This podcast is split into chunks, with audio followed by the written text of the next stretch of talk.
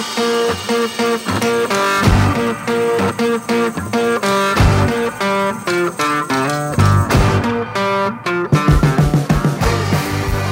alle sammen, og velkommen tilbake til Bakrommet. Jeg heter eh, fortsatt Dagfinn Thon, og jeg har med meg Marius Jacobsen. Anders Romsø Johansson er også med, fra Syden, som jeg pleier å kalle det. Hvordan står det til, Anders? Er det godt og varmt? Det er ikke godt og varmt, men det står til veldig bra likevel. Jeg har jo blitt vant til en tøff vinter her, så jeg blir hardhuda vet du, med tida. ja, det er ikke snø opp eh, over eh, hva skal vi kalle det, dør, dør, eh, dørhåndtaket nå? Nei, det er ikke det, men det er fortsatt litt hvitt ute her, så um, det lar vente på seg å spille utendørs, altså. Det gjør det. Så um, nei, det, det, kan godt komme vår litt fort her nå. Mulig det er mye å be om når vi er i februar, men hallo, nå, nå, har jeg jo flytta til Kristiansand for en grunn her, tenker jeg. ja, men jeg trodde du var født med selbuvottene på, jeg, ja, Anders. Ja, nei, det blir nok ikke det helt uh, jeg, jeg, jeg, vil ha vår, egentlig. Så jeg kan gå i Dyreparken og spille utendørs. Du nevnte spille utendørs. Dere i Vindbjart spilte mot uh, treningskamp mot Start nå for ikke så lenge siden, stemmer ikke det? Mellom ja, forrige sending og nå?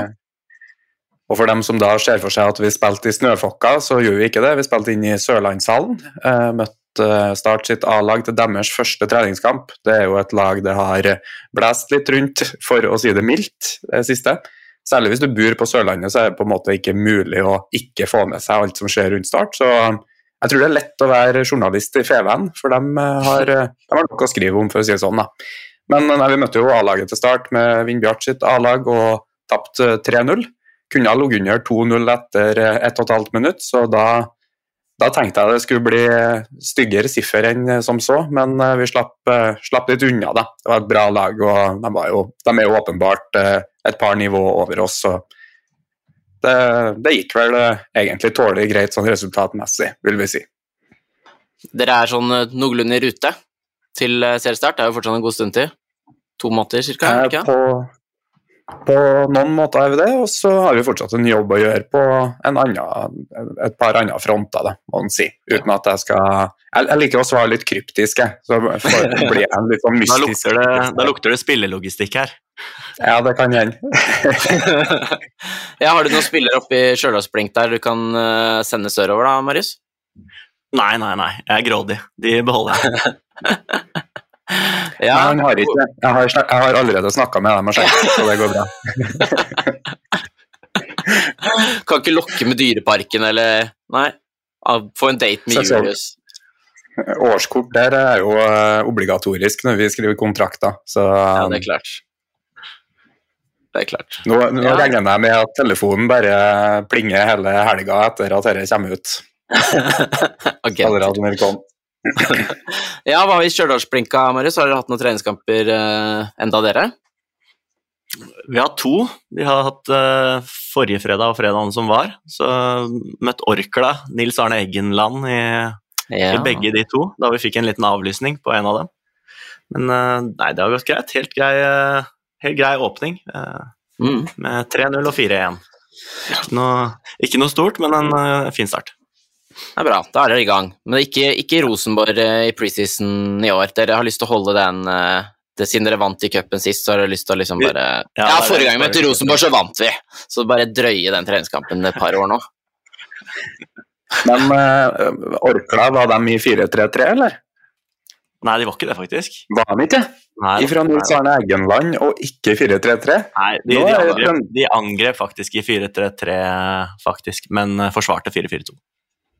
Men nå, nå skal ikke jeg gi bort alle hemmelighetene til Orkla, som var så hyggelig å stille opp i treningskampen mot oss uh, når vi fikk avlysning, så der, den må jeg trekke tilbake. Det var 5-4-1. Det var 5-4-1, ja. Det var det jeg trodde. ja, bra. Ja. Nei, her i gården så har vi, jeg og Amin Askar akkurat begynt å starte med prising av Eliteserien Fantasy for 2024, så nå går det i treningskamper går det uansett, men nå går det i hvert fall på høygir i å se norske eliteserielag spille treningskamper og rydde opp i Excel-arket fra i fjor og ta telefoner og ja. Nei, herlig, herlig tid på året, rett og slett. Litt dårlig av meg og Marius å ikke spørre deg hvordan det går med deg, men uh... ja, Men jeg bare tar det sjøl, det er ikke noe problem. ja, det er så greit.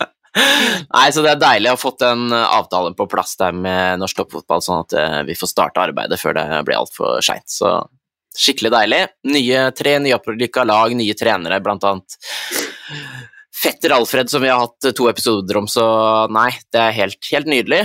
Og må bare skyte inn én ting som jeg syntes var ganske kult i går, på personlig plan. At jeg fikk, eh, fikk, med meg kona mi til å se Innsiden, altså Rosenborg sin egen eh, dokumentarserie. For hun er ikke interessert i fotball, men hun likte Ted Lasso.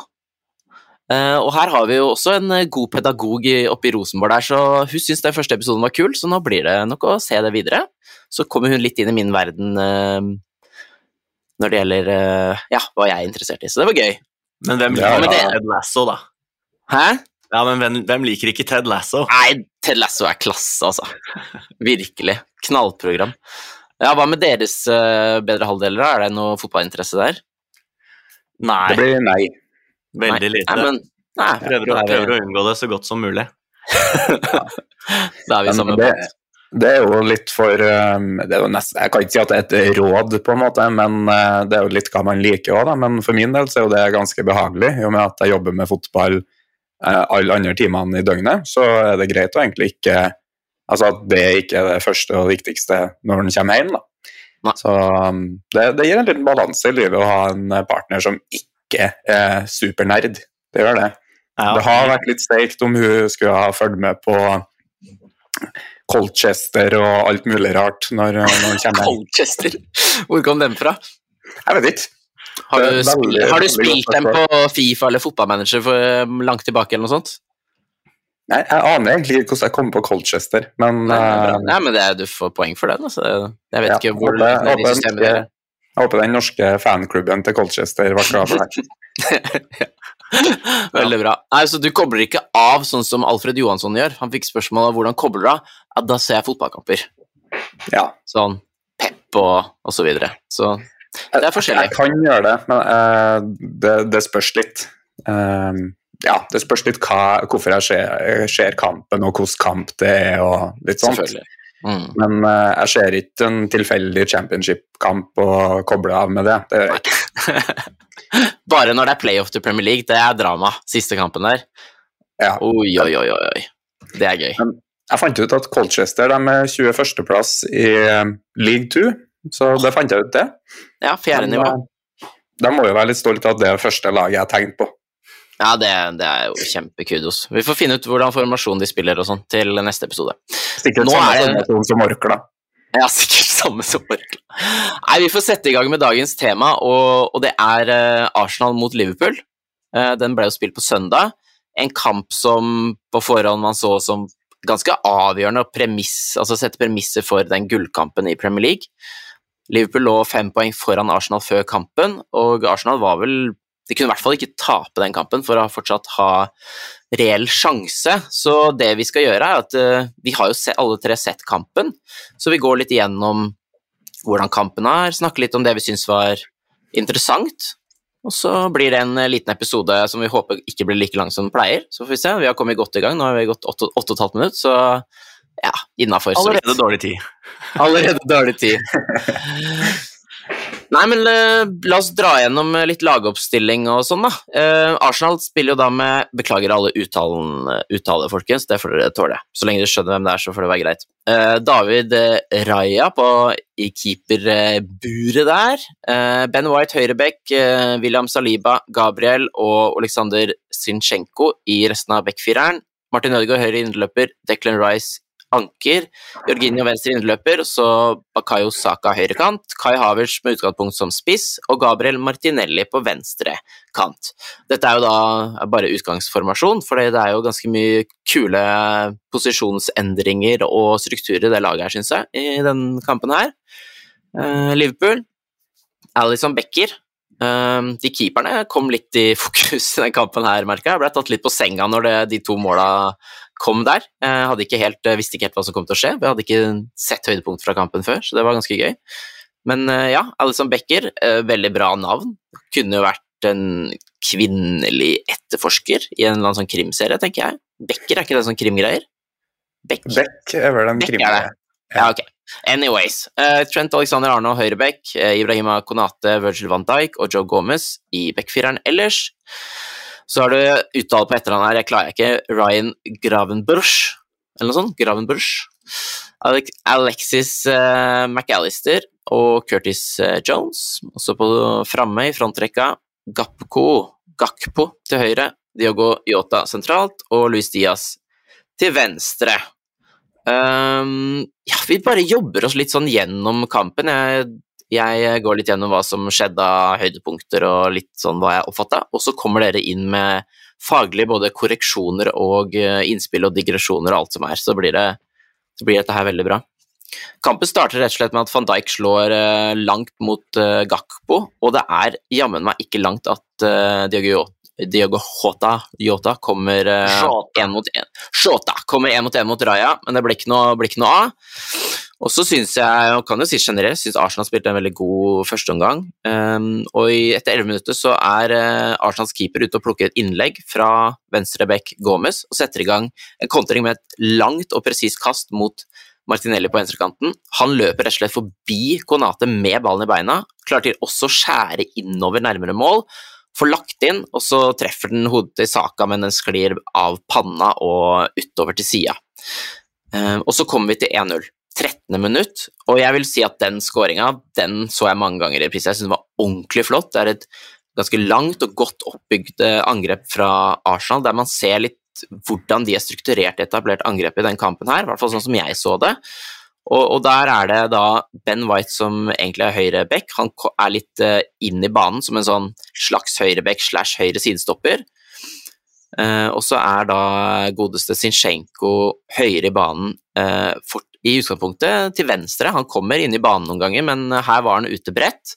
Og så er det Jorginho som vi forventa da, hvis han skal spille med Rice, så er det dobbel sekser. Så har du Ødegaard i mellomrommet, høyre halfspace, og så har, har, du da godeste Havert, som ikke er noen sånn klassisk spiss, men som også har spilt der både i Arsenal og, og Chelsea. Han dropper ned fra spissposisjon i venstre, altså mellomrom venstre halfspace, så de spiller egentlig basically uten rein spiss i den strukturen her. Så har du Saka høyt og bredt høyre og Martinelli høyt og bredt venstre. Så det er en ganske interessant struktur, syns jeg, fordi du har på en måte slagt to brede venstre istedenfor å ha en bred venstre og en spiss. Men ellers så ser det veldig likt ut som veldig mange andre lag som vi også har analysert før, i en sånn 3-2-oppbygging. Eh, med da to stykker i mellomrommet i hvert sitt halfspace. Så veldig interessant, og her går altså pasningene på én touch, og, eh, og eh, det ender med at Zinchenko tar med seg ballen litt inn i banen, spiller til Ødegaard, som bare strør den ballen gjennom til Havert, som da har møtt først og vært involvert i spillet, og stikker inn i bakrom. Og eh, Trent Alexander er eh, borte vekk fordi han har vært oppe på uh, Martinelli. Og da ender Konate opp med å få to spillere å forholde seg til som egentlig som han har ansvar for. Både Martinelli og Havertz. Han blir som mellomposisjon, og da spiller selvfølgelig Ødegaard den som er sentralt, rett igjennom. Avslutning, ikke en veldig god avslutning. Retur, og så skårer Saka.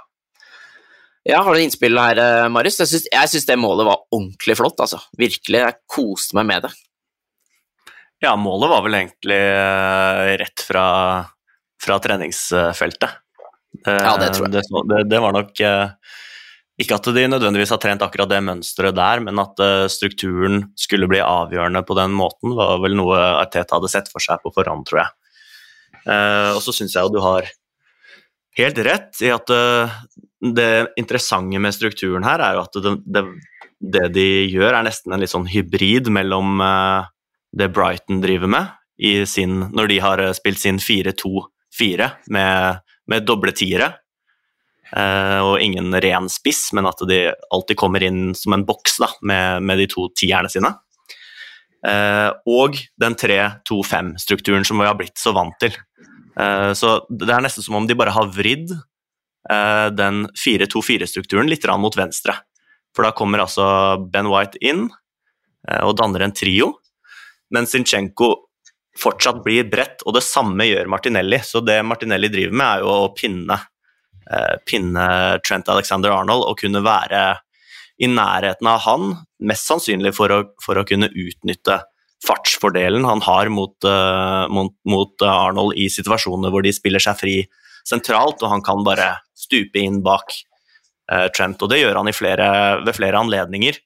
Når de klarer å motta ballen i mellomrom, og Martinelli bare skrår innover og prøver å løpe inn bak ryggen på, på Trent. Så den strukturen blir jo også helt avgjørende i skåringsøyeblikket. Eh, når de klarer å først frispille seg litt sentralt, og så kommer pasningen eh, Er det opp på Sinchenko til slutt, eller er det på Martinelli ja. ut, på, ut på venstre? Det er Sinchenko som Nei, tar et par touch inn i banen, og så finner han Ødegaard.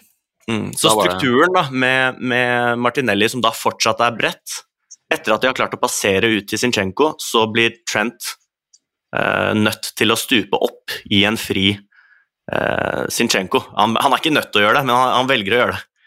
Eh, da blir eh, Martinelli ledig. Da blir Martinelli helt fri ute på mm. sin venstre side. Og når Zinchenko da trekker innover med ballen og passerer, eh, passerer Trent lite grann, så blir også Konaté nødt til å overta den jobben. Så han uh, trekker ut mot Martinelli, og van Dijk står helt alene mot uh, Havertz og Ødegaard. Og når da ballen går til Ødegaard, så flyr van Dijk oppi. Og når Ødegaard får ballen, så chipper han den på en fri eh, Havertz. Så det som har skjedd i løpet av det angrepet der, da, er at Arsenal har manøvrert bort begge stopperne til Liverpool med et trekk.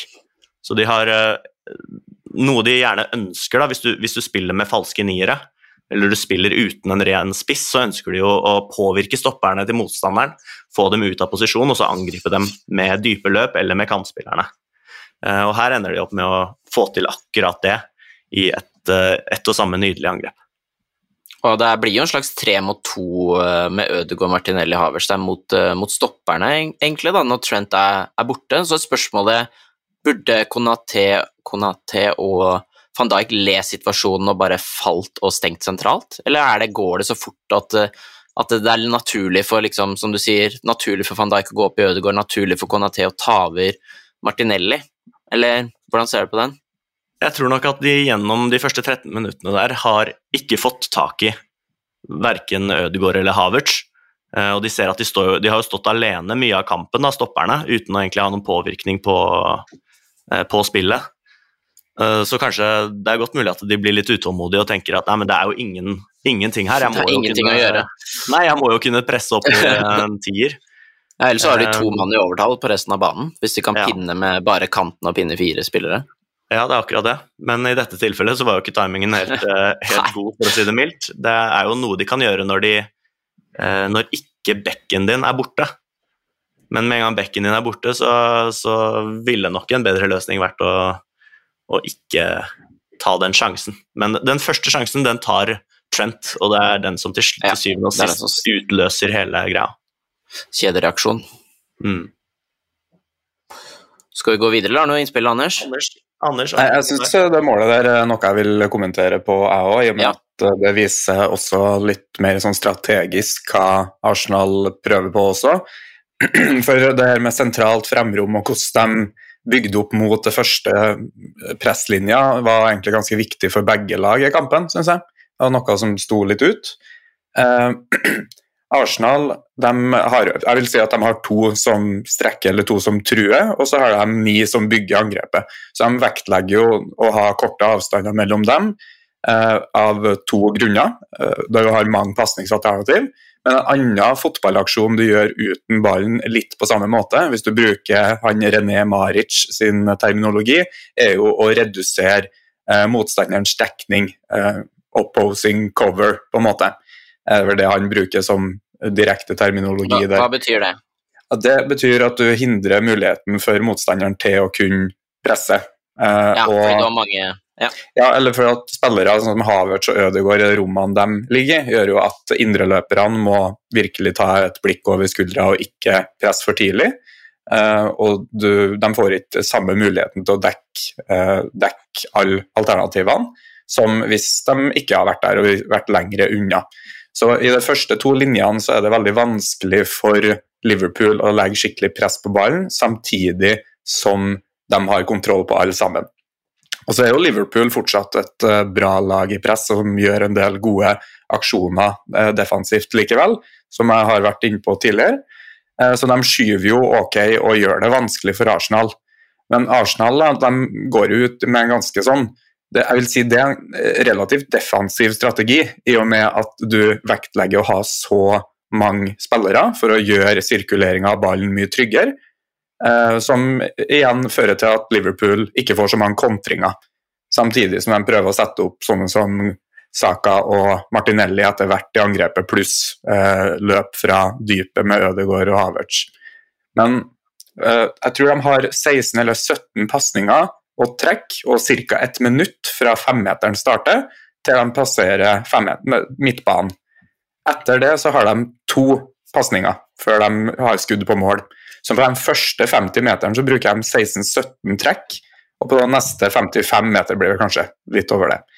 Eh, så bruker de to trekk. Og Det sier litt om, om rytmen og hva de har fått til da, altså i, i spillet mot et høyere Liverpool-press. Så um, jeg synes det var et veldig, det var åpenbart et veldig bra mål, uh, men det uh, sier også mye om hva Arsenal prøvde på i de fasene av oppbygginga. Jeg syns jo at Arteta har jo blitt veldig mye mer kynisk med, med åra. Han har jo tatt etter, uh, etter Pep og, og, sett at ok, en, nummer én, fysikk har mye å si for meg. Backrekka mi og midtbanen min må klare å uh, vinne duellene og ikke bli løpt igjennom når andre ballene kommer. Um, men også femmetere så syns jeg jo de tar veldig mye lavere risiko enn det de, det de gjorde før i tida. Uh, presset til Liverpool på femmetere i denne kampen her er ganske mye sterkere enn det etablerte eh, midtblokken til Liverpool i denne kampen her. Eh, så fra femmetere så én, ja, Liverpool prøver å tvinge fram den lange, men Arteta og Arsenal tar den lange ganske gjerne, eh, fordi at de, eh, de er fornøyd med, med, et utfall av at ballen ender opp rundt midtbanen, og de kan starte på sitt press, som kanskje er det aller beste aspektet ved spillet til Arsenal. Eh, forsvarsspillet deres i et etablert høyt press, uten at det nødvendigvis trenger å være helt eh, femmeterpress og opp på keeper, men eh, det som skjer når de, når de bare står i en høy, høy slash mid-blokk, eh, der er Arsenal ekstremt gode og veldig komfortable med å spille hele kampen omtrent i den fasen. De forsøker gjerne å ende opp i den fasen, selv om, de, selv om de, når de får muligheten til å spille mot Liverpool sitt etablerte forsvar, så tar de jo den med begge hender, fordi den er mye svakere enn det høye presset. Ja, og her um, det, det, er to ting der, jeg er jo helt enig. i. Jeg tror han hadde 17, 18 eller 19 lange utspill, han eh, Raja. Jeg mener jeg sjekka tallene i stad, det var noe sånt. Det var ganske mange i hvert fall til å være et possession-orientert lag. Og de tok jo ofte og bare samla laget også og sto langt, ikke bare for å spille på resultat, de gjorde det òg i første omgang. Eh, og jeg syns andreballspillet deres var imponerende bra i den kampen her. Og det at du klarer på en måte å eh, spille ut Liverpool på andre baller og vinne den kampen i kampen, er jo eh, ganske sterkt. Og de gjør det egentlig både i de samlede lange, lange femmeterne, eh, samla lange femmeterne, og de der de eh, sentrer til keeperen først, f.eks., og har mer eh, oppsatt i en mer sånn frispillingsstruktur, da, eller vanlig struktur mot eh, høyt press. Så um, der syns jeg jo Raja gjør en ok jobb. Servene er ganske stabile. Det virker jo som de er forberedt på hvor ballen kommer. Og så er Jorginho, Declan Rice, Martinelli de som havner Det er jo oftest Havertz ballen går på, men de som havner under eh, duellen og under det som skjer, de, eh, de vinner, vinner, ofte den. Ja. Og um, det er jo ikke bare lett mot Liverpool. Jeg syns også det var påfallende hvor ofte at Konaté bomma på den klareringa. Eh, du har én femmeter i første omgang der Van Dijk vinner duellen når de treffer han, og da flyger jo ballen langt unna en slags sånn andreballsone. Jeg har lagt ut noen bilder av det her på Twitter med, eh, med Moss som eksempel, men eh, det er et stykke opp til Premier League for Moss sin del òg, men de var ganske gode på det. Men når Van Dijk vinner duellen, så flyr jo ballen langt unna. Konate tror jeg header til motstanderen nesten hver gang. Så det var en litt sånn eh, svakhet eh, hos han som på en måte kom litt frem i den kampen der, eh, hvor Van Dijk er vesentlig bedre. da. Kan ikke du fortsette å gå litt gjennom kampen, Dagfinn? Jo. Som du har fått uh, vært gjennom litt her nå? Det var veldig bra. Jeg syns det var fint de tok den skåringa ordentlig, for den forteller som dere sier, forteller veldig mye om hva Arsenal Ja, men du, får jeg fortsette? Får jeg fortsette? Ja, ja, jeg, gjør det, gjør det. Jeg sa jo at to punkter, av det viktigste er jo det Ja. her. Det er det som ikke skjedde i den kampen her, fordi at Arsenal var litt konservativ på bl.a. femmeterne når Liverpool var i posisjonell balanse, og når eh, ja, de var klare til å presse høyt. da. For eh, Arsenal tok veldig få eh, sjanser eh, i oppbyggende spill. Det var enten langt, eller så var det tidlig ut også. Det eneste unntaket er vel målet deres. Jeg tror kanskje de har én sekvens til som ligner litt der, men veldig ofte gikk de langt mye oftere enn de possession-orienterte lagene vanligvis gjør. Og eh, det som skjer da mot Liverpool, er jo at de aldri får satt inn et høyt press der de får eh, vunnet ballen høyt. Så selv om Arsenal ikke har vært så god på andreballspillet, så hadde heller ikke Liverpool kontra dem i sengt nødvendigvis. Og det er en ganske viktig del av kampen når du spiller mot Liverpool, og det var der de oftest slo City, i hvert fall før, på at uh, City på en måte spilte litt inn, i, inn der uh, Liverpool var god, da. Og det gjorde ikke Arsenal, og da blir kampen litt annerledes. Jeg tror Liverpool har vel 0,9 i expected goals. Noe sånt, ja. Ja, og mye av det er jo fordi du tar vekk kontringene deres i veldig stor grad. Ja, det er jo litt forskjellige kilder. Altså, jeg har uh, Wisecouse i 0,56 og Fotmob er på 0,37, liksom, og så ligger Arsenal et sted mellom 2,7 nei, 2,7 og 3,5, så det, det er ganske stor forskjell, ja. Hva er Ja. possession da? Ja, Arsenal hadde mest uh, ball, typ 58 der, ja, 58% og 57 ja, 57-58% så det er på Arsenal. Så det er jo litt det du sier, at de tar vekk eh, Arsenal eh, spiller kanskje litt annerledes enn de gjør mot de fleste motstanderne for å ta vekk styrken til Liverpool i, i presset og få de der brudda som gjør at det blir eh, ekkelt. Og Liverpool feeder så veldig på det, de får så sykt sånn Nei, Man så det bare de første tre-fire minuttene i andre omgang etter de hadde liksom fått scoring-momentum, så var de ordentlig på, liksom. Men ja, eh, skal vi ta, gå litt videre? Eh, jeg, gjorde et, jeg gjorde et notat etter 18 minutter der jeg skrev Trent har knapt rørt ballen. Noterte jeg meg. Og, og jeg noterte også Joe Gomez har hatt ballen 20 ganger. Ish. Uh, og da kommer vi litt inn på den strukturen sånn slik som jeg oppfatta det. Og um, de bygget jo opp i en slags jeg vil kalle det nesten 2-2 med Konate og Van Dijk. Så går Trent eh, som høyreback høyt og bredt. Gomez kommer inn i midtbaneleddet med, sammen med McAllister fra venstrebekken sin. Og så har du Jones og Graven i hver sin mellomrom halfspace. Diaz venstre, og så kommer Gakko som utgangspunkt høyrekant, kommer en del inn i banen. Og så kan Yota droppe litt i mellomrom også. Det var litt sånn som jeg så det. Kan dere gjerne korrigere litt der? Det var slik jeg så det, i hvert fall. Det, det mest eh, bemerkelsesverdige er kanskje bruken av eh, Trent som høyre breddeholder, som du sier. Yes. Eh, Mm. og da hva du ikke får når Trent er i, i nærheten av ballen, for det er veldig sjeldent at Liverpool faktisk klarer noen penetrerende pasninger eller uh, finner uh, løpene i bakrom eller ser litt lenger, da. Eh, så det, er, det var, det var eh, ganske tydelig at det, det mangla den kreative kraften som Trent har i, i nærheten av ball. Eh, og i tillegg, når du ikke har Sala til å, til å fòre ute på den sida, så, så blir det ganske merkbart. Um, Ja. Men det de også gjør, da, det er, det er at um, på venstre indreløper så, Jones. nei, på høy, Ja, Curtis Jones. Uh, Ja. Jones, McAllister og, uh, og Gomez. Alle Mm. de roterer litt på for, å, for å fylle det dype rommet. Eh, og det er fordi at de prøver å gi, gi litt kluss i eh, Arsenal sine eh, referanser. Fordi noe av det Arsenal er gode på, det er de spissene. Når da Arsenal presser, så er det ofte en 4-4-2. Og da med Ødegaard og Havertz denne gangen som de to spissene i presset. Eh, og så med, med Declan Rice og Jorginho som de to dype bak der igjen.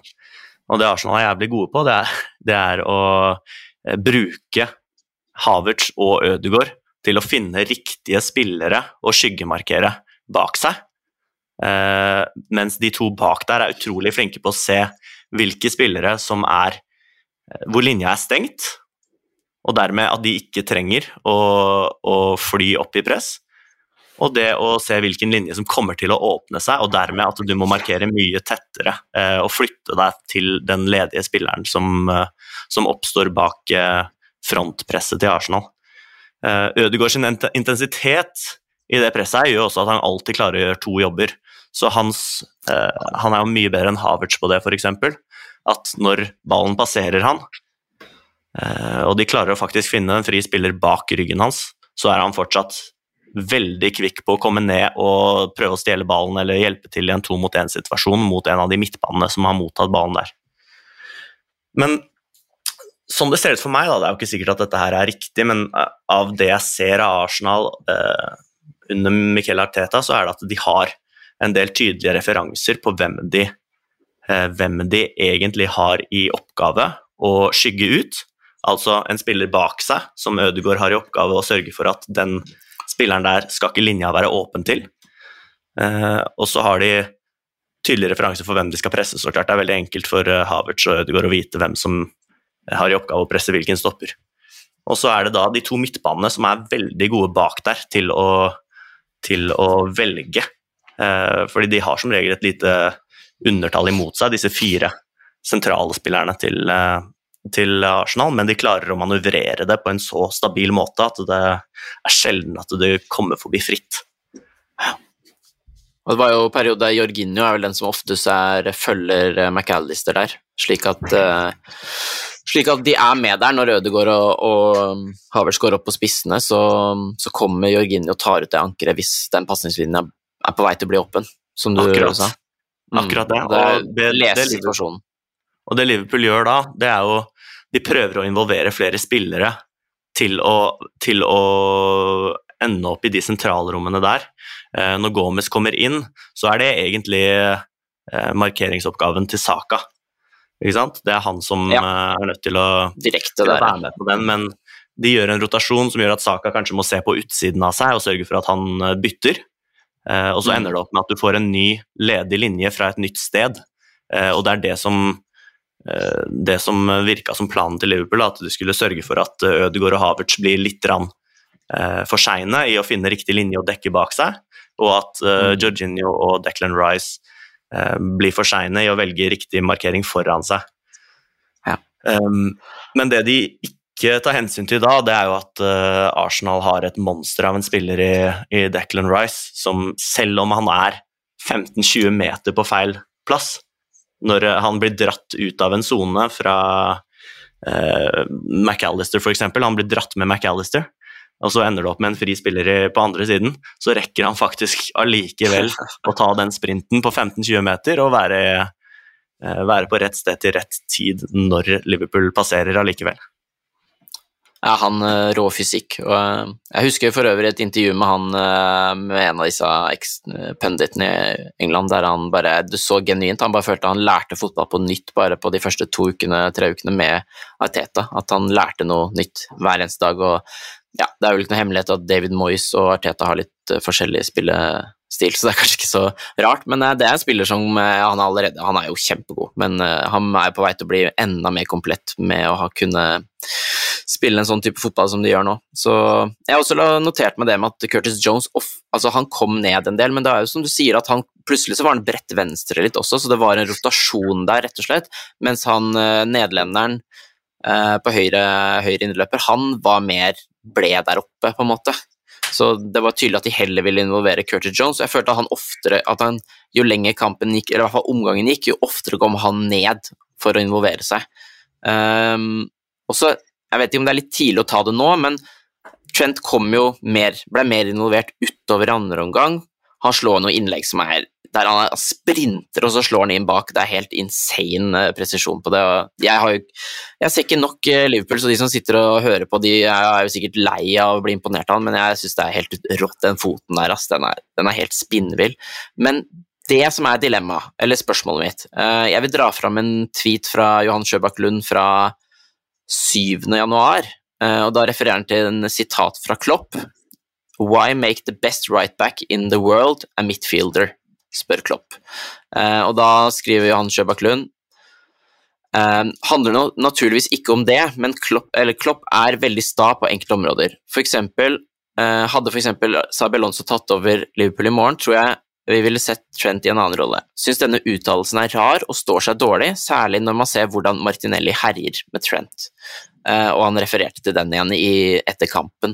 Og, og jeg syns det er veldig interessant, fordi du vil jo tape noe på høyresida ved å ha den innleggsfoten, men når Liverpool faktisk har 58% ball mot Arsenal, og du veit hva han kan gjøre i dypet der, så, nå, så stusser jeg på at det er Gomez som skal inn sentralt, og ikke Trent.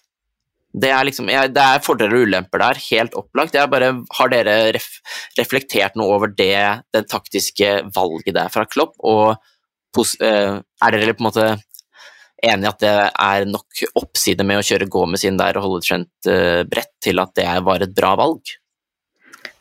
Ja, det blir jo litt sånn uh historiebias her med hva som faktisk skjedde og hva Liverpool fikk til og ikke. Hadde Liverpool klart å komme til flere innlegg og han har fått to assist på innlegg, så har vi jo genierklært Klopp igjen. Så eh, det, det, jeg vil tro de ville ha ut av det, var jo å få et mer potent angrepsspill med innlegg. Eh, møte bakre firer, møte 4-4-2 og Arsenal vil først og fremst stenge midten. Liverpool er jo flink til å kombinere seg gjennom bredt og har vært det egentlig hele sesongen. Bare at nå mangler de Sala, som er den klare boksåpneren for, for, det laget der. Og nå, den nest beste på en måte eh, av kreative krefter er jo Trent, eh, og da vurderer nok eh, Liverpool det at innleggsfoten hans blir mer avgjørende enn det ferdighetene han har i oppbyggende spill. Samtidig som at Gomez er en bedre spiller i et beredskapsforsvar. Som ehm, jeg òg tror er en del av eh, strategien eller eh, det grunnlaget for det valget der. Eh, og så ser du jo De har jo et par innleggssituasjoner i første omgang. Og når Trent har ballen i hele tatt, så stormer jo folk inn i boksen. Så det er åpenbart en vei de har kartlagt imot målet til Arsenal. Men eh, samtidig så mister de ganske mye i andre faser av spillet. Bl.a. når Gomez og McAllister blir rettvendt i fremrom, i sekserrommet, så eh, skjer det aldri at de ser etter bakromsløsningene. Og det var egentlig litt påfallende, for hadde du f.eks. spilt inn eh, til Jordan Henderson for to år siden, og Salah og Mané har vært i samme posisjoner som Gakpo og, han, eh, og Diaz var idet de vendte opp der, så ville han ha slått langt for et kvarter siden. Eh, det gjør ikke McAllister i samme grad. Han ender opp i mange av de situasjonene med å bare drible fremover. Også bra, altså han kommer til skuddmuligheter sjøl, men det er noe annet enn det som kanskje har vært best for Liverpool. Og Gomez har to-tre fine involveringer, men det er pasninger på fot ut til Trent, de beste involveringene hans. da. Og så blir det innlegg av det, men de får ikke utnytta det bakromstruslene på samme måte. De får gjort det én gang, og da er det Curtis Jones som blir rettvendt i fremrom, som ser etter Diaz i bakrom nesten med en gang. Så eh, hva de fikk ut av fremrommet, det, det, vet jeg ikke om de er fornøyd med, og som er på en måte en vurdering jeg tipper de ville ha gjort på nytt igjen eh, hvis de skulle ha spilt akkurat samme kamp under akkurat samme forutsetninger en gang til men det kommer de jo aldri til å gjøre. Så det, det, var det jeg tenkte på når jeg så det der, og det Jeg skjønner jo litt tankene bak, og du, hvis du ser andre omgang på nytt, og ser slutten av andre omgang, og så måten Liverpool egentlig strever med å skape sjanser på. Dårlige innlegg. Joe Gomez sine innlegg er jo forferdelig. Eh, så skjønner jeg jo at de har tenkt som de har tenkt. Og så stusser jeg jo da litt på at de tar ut eh, Trent så tidlig òg, når han var en så viktig del av den strategien de egentlig hadde for å skåre mål. Han hadde vel gult kort, men det kan vel kanskje ha noe med at han har hatt noen skader, at det er belastningsstyring ja, det er mulig, der også, for alt jeg vet. Eller gult kort har litt å si. Jeg vil bare skyte inn det med, med bakgrunnstrussel. Det kan jo hende at hvis Darwin Nunes hadde spilt på topp, at de hadde kjørt Trent inn sentralt da, rett og slett for at han er en direkte bakgrunnstrussel fra spissposisjon. At det, det kan hende at det er med i vurderinga der. Han også hadde slitt med et eller annet, så jeg tror ikke han tålte 90. Nei. Det blir jo samme situasjonen egentlig der, hvor når du får ballen bredt til Trent, så vil du vel kanskje gjerne ha Darwin Núñez til å være enten ja, på enden av et innlegg eller på et vinkla bakromsløp. Uh, hvis Trent f.eks. får ballen ganske mye dypere i banen, bare i bredden, så er jo vinkelen til å slå en bakromsball på en spiss uh, ganske god også derfra. Mm. Så det var jo litt, det var litt sånn Hvis man har planer om å storme boksen da, etter at Trent har fått ballen, Eh, så har det jo noe å si hvilke spillere du gjør det med. Så, sånn som vi hadde med Girona-episoden, hvor du veit at ballen går ut til Savio, og så veit du at uh, du har uh, du har Dobvik og, og Jangel Herrera til å storme boksen fra motsatt side, som da er en god vinkel til å gå inn i boksen på, mens nå så endte du med, med Jota og Curtis Jones. Mm.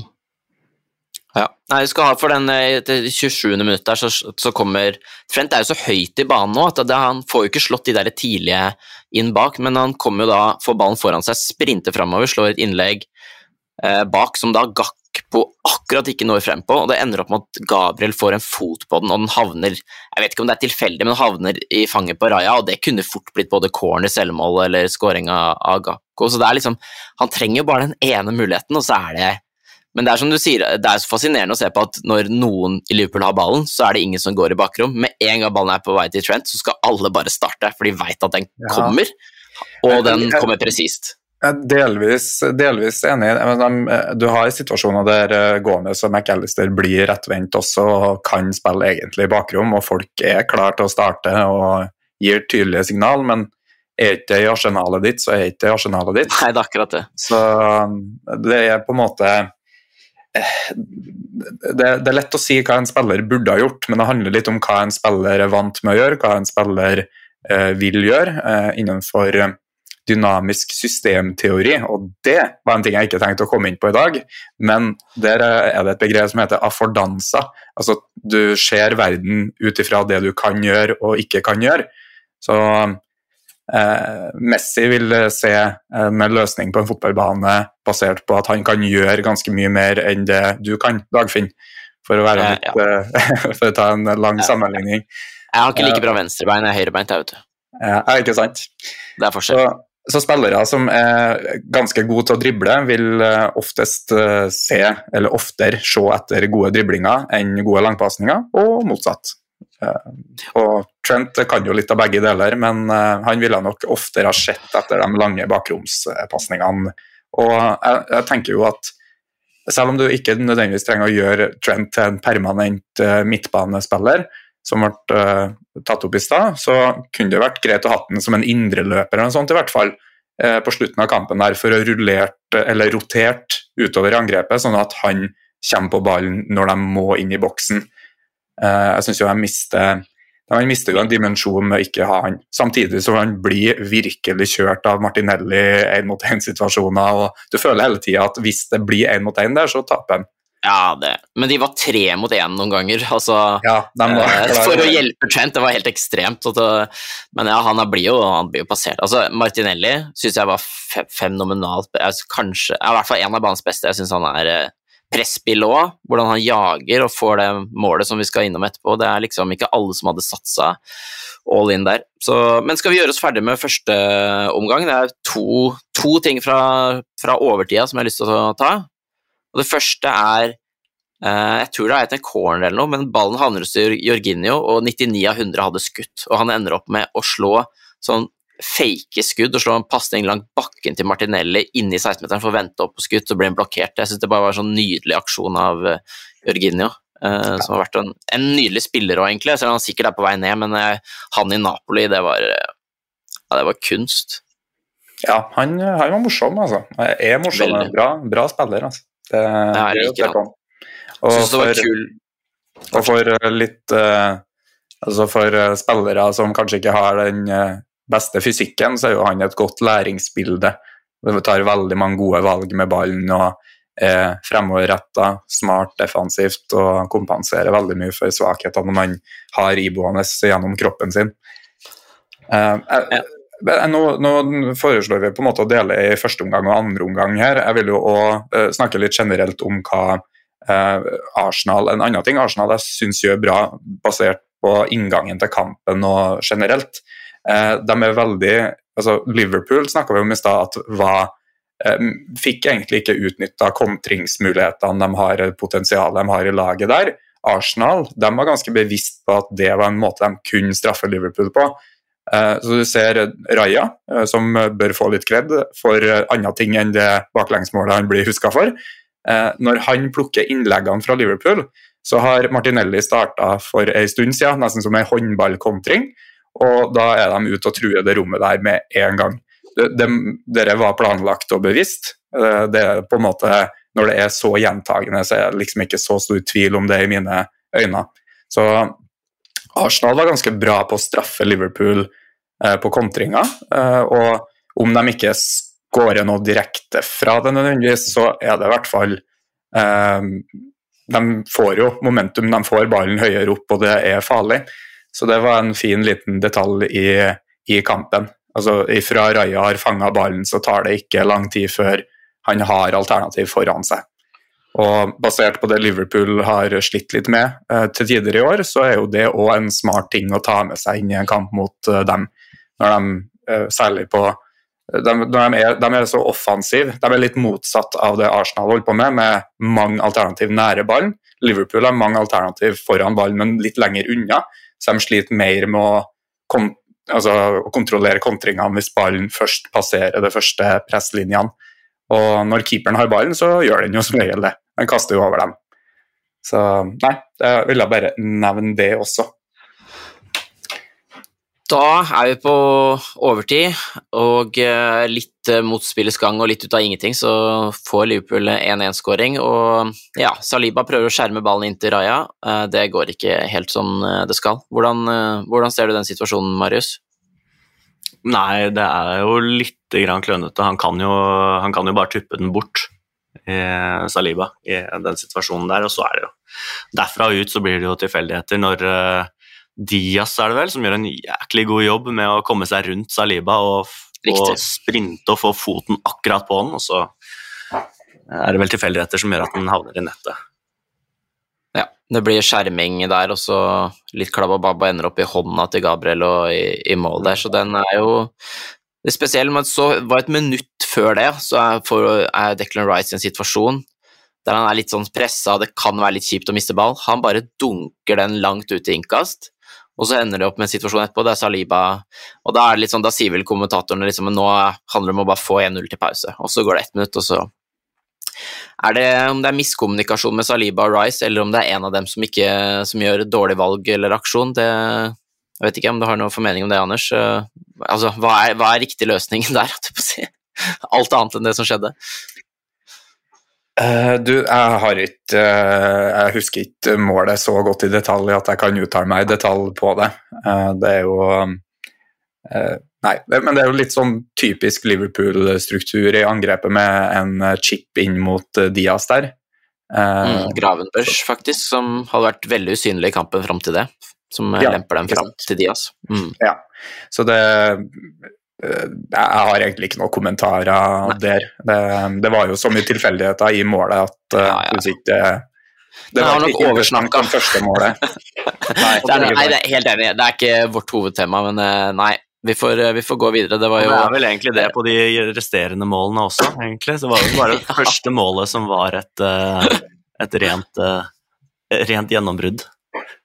Ja. Uh, Trossard sitt uh, siste mål er jo etter en kaossituasjon. Det, det var egentlig et ganske interessant mål av helt andre grunn. Det er at første mm. målet til Arsenal det er kontrollert possession fra de starter med ballen til å ligge i nettet, nærmest, minus keeperen sin touch i det målet til Trossard. Det er vel den andre ball som de krangler lenge for å vinne, og gjør en del gode ting for å faktisk ende opp med å vinne den.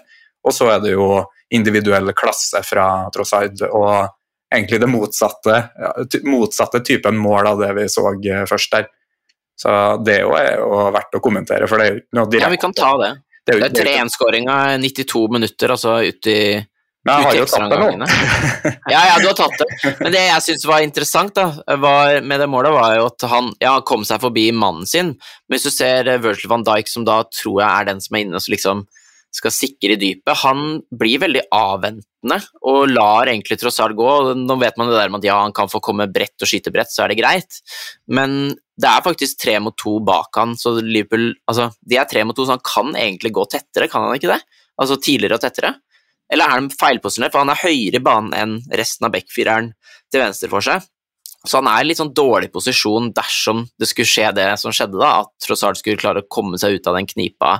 Uh, han er vel så vidt over midtbanen, helt ut til venstre til Trossard der, og så full fart. Så det er litt sånn interessant situasjon. Jeg lurer på om det er Jeg, jeg føler at van Dijk kanskje kunne gjort en bedre jobb der, altså. Og kommet litt tidligere på uten at det hadde risikert liksom å blottlegge sentralrom bak seg. Men det er mulig dere ikke har sett sånn nistirra på akkurat det, eller? Nei, har ikke det. Men uh, det er noe greit nok å prøve å lede an til et dårlig skudd fra brett, men uh, ja. skal, det, er alltid, alltid, åpent mellom beina, si. ja, det er vel opp i nærmeste mellom beina, som er populært å si når man kommer så skrått. Uh, I hvert fall med venstre, med venstre der, så er det vanskelig å få den i lengste hvis den uh, skrur lite grann. Um, nei, men i hvert fall etter pause, Zinchenko går jo ut, og så kommer Jakob Kivior inn der. Så er Liverpool veldig friske, syns jeg, de første tre-fire minuttene i, i, andre omgang. Og så ender det opp med trippelbytte etter 58 minutter der. Som vi snakka om, så går jo Trent ut, Gapco går ut. Uh, når jeg skrev Trent, Gapco og Trent, det stemmer ikke. Det er jo hele høyresida som, som som uh, går ut der, så da, da, er det Gravenberg som går ut, ja. Så kommer Robertson inn, Gomez går over på høyre bekk. Harvey Elliot går og tar direkte over som høyre indreløper der, og Darwin Nunes på topp. Da er Diaz fortsatt venstre og Yota til høyre, men han kommer jo veldig, veldig, inn i banen, da. Så det blir også Robertson ligger en sånn der venstre sidestopper, venstre back, og så er det fortsatt Gomez som kommer litt uh, opp og inn. Er det ikke Jeg, jeg opplevde sånn, jeg forventet nesten at Robertson skulle komme høyere i banen når han først kom inn, men der har du jo Diaz, da, som er en typisk uh, sånn, ja, en breddekant som kan stikke inn bak og, og kanskje passe best i en rolle der han ikke er liksom inne sentralt som utgangspunkt. Ja, og så har jo I andre omgang så får jo Curtis Jones mer ansvar i sentralt fremrom, der at uh, han uh, Gomez ville ha vært uh, oftere i første omgang. Uh, så det tror jeg nok var en liten endring, som, og ikke bare en sånn naturlig dynamikk, men en strategisk endring. Jeg synes jo òg det, det, gjør angrepsspillet litt mer stabilt, egentlig, og de får bygd opp et momentum, og det er vanskelig å ta fra dem ballen. De har en del kombinasjoner sentralt der òg, han og McAllister, som eh, gjør det enda vanskeligere for Havertz og Ødegaard å presse stopperne, eller å gjøre det samtidig som de kontrollerer sentralt fremrom. Da. Og men mye av progresjonen deres i angrepene skjer jo um, ofte i, mellom, uh, gjennom halfspacene eller i, ut bredt. det, det, er jo egentlig litt sånn klassiske Liverpool-angrep som bare fortsetter i, i andre omgang, egentlig. Ja. ja. Så har vi 2-1, da. 67. minutt der. Gabriel, lang pasning i bakrom. Og så er det Alison og Virgil van Dijk som kløner det til. Martinelli skårer rett og slett inn i det åpne målet. Um, Van Dijk eh, lar ballen gå over seg, gir en liten skump til Martinelli og prøver å få Alison til å Eller jeg tror han prøver å holde litt unna for at Alison skal klarere, og så halvveis krasjer de inn i hverandre. Alison klarer i hvert fall ikke å treffe ballen reint, og så er det bare gavepakke å sette den inn i åpent mål. Martinelli skal ha kudos for at han jakter inn bak van Dijk og ikke gir seg og håper at noe kan skje. Så det var spesielt, igjen spesielt med to sånne skåringer altså, i samme kamp. Sånn, jeg vet ikke om du skal ha miskommunikasjon, dårlig skjerming eller altså ja. Her har jeg jo et lite uh, interessant innspill fra Ullern-leiren, som jeg fortsatt har uh, jevnlig kontakt med på diverse chatter og sånt. Uh, og det her med miskommunikasjon er jo hovedgrunnen til begge baklengsmålene, vil jeg anta. Eh, du kan si at det er han ene eller han andres feil, men sånne feil skjer ikke når det er krystallklar kommunikasjon, i hvert fall ikke i like stor grad. Eh, så er jo spørsmålet da, altså Keeperen er jo den spilleren på banen som trener mer, eh, mest isolert av alle sammen. og Det betyr at han er òg den som samarbeider minst med lagkameratene på trening. Så hvis du vil unngå sånne mål, så må du som trener kanskje spørre deg hvor mye isolert keepertrening har du, og hvor mye er de med i spillsituasjoner der de øver på det. For det er jo én ting at de øver på det sammen, Van Dijk og Alison. De har jo spilt uh, lenge nok i lag til at det her er en situasjon de har samarbeida om før.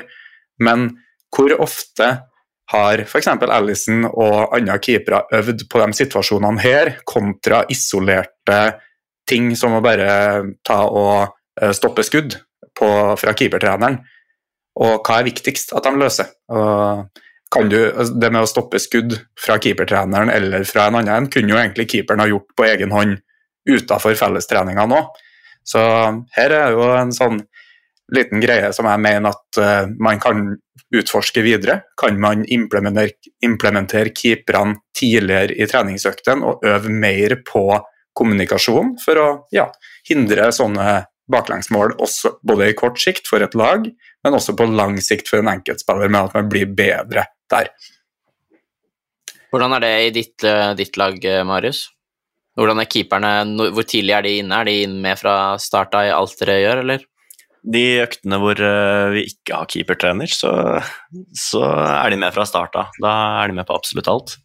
Og ellers så er det vel i hvert fall 60 minutter av økta som regel de pleier å være med på. Får de 30 ja. på egen hånd. Og det der er jo det som er vanlig.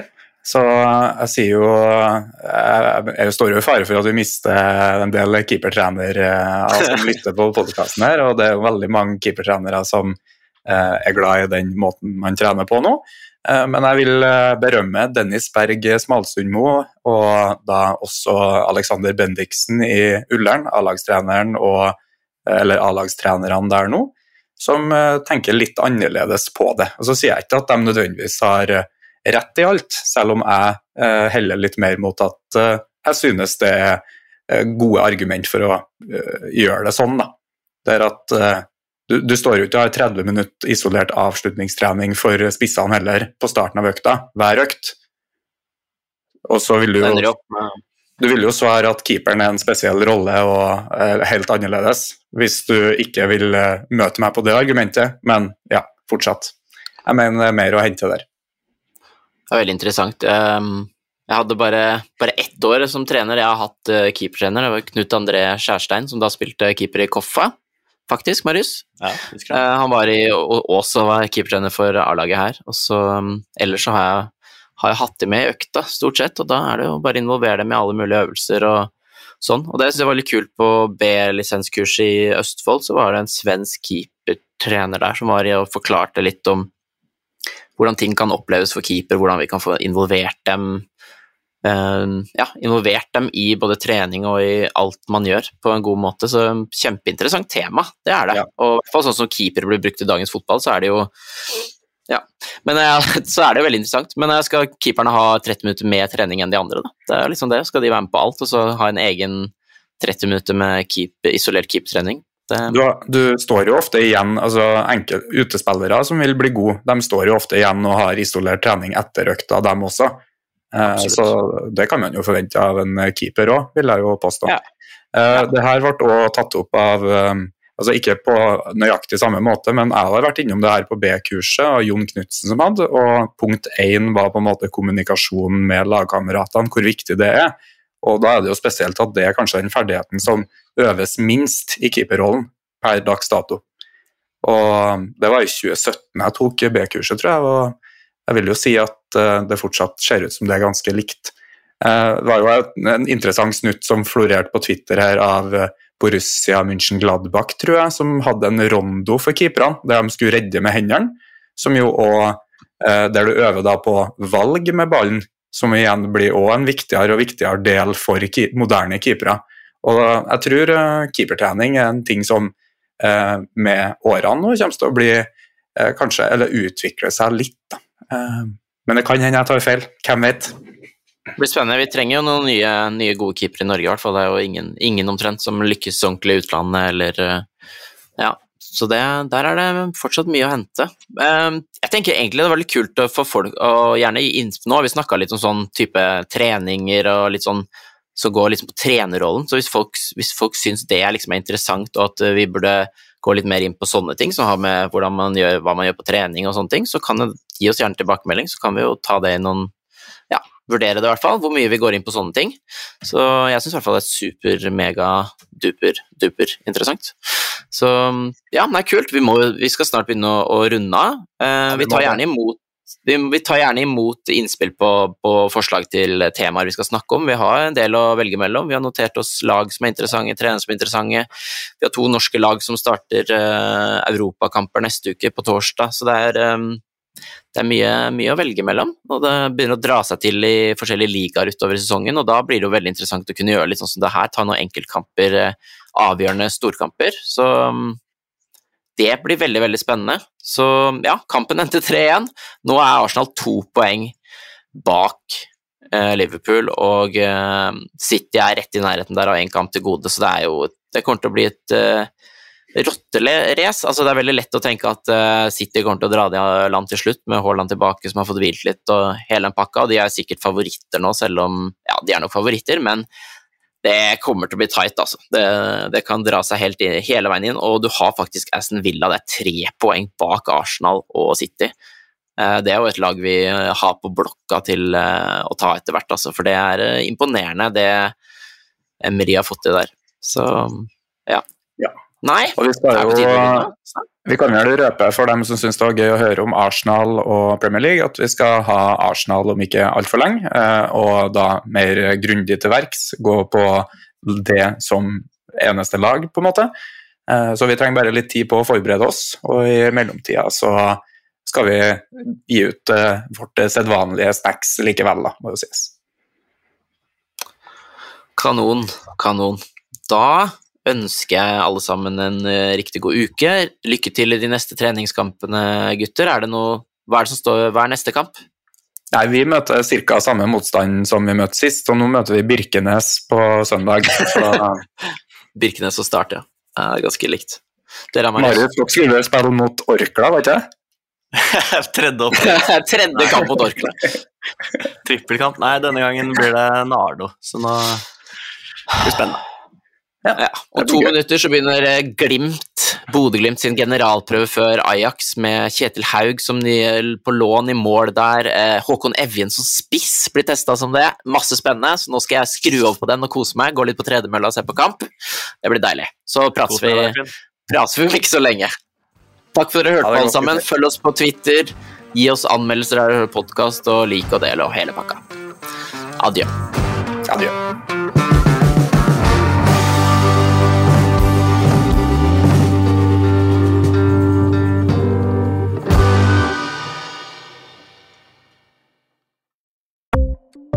Ukens annonsør er HelloFresh. HelloFresh er verdens ledende matkasseleverandør og kan være redningen i en travel hverdag.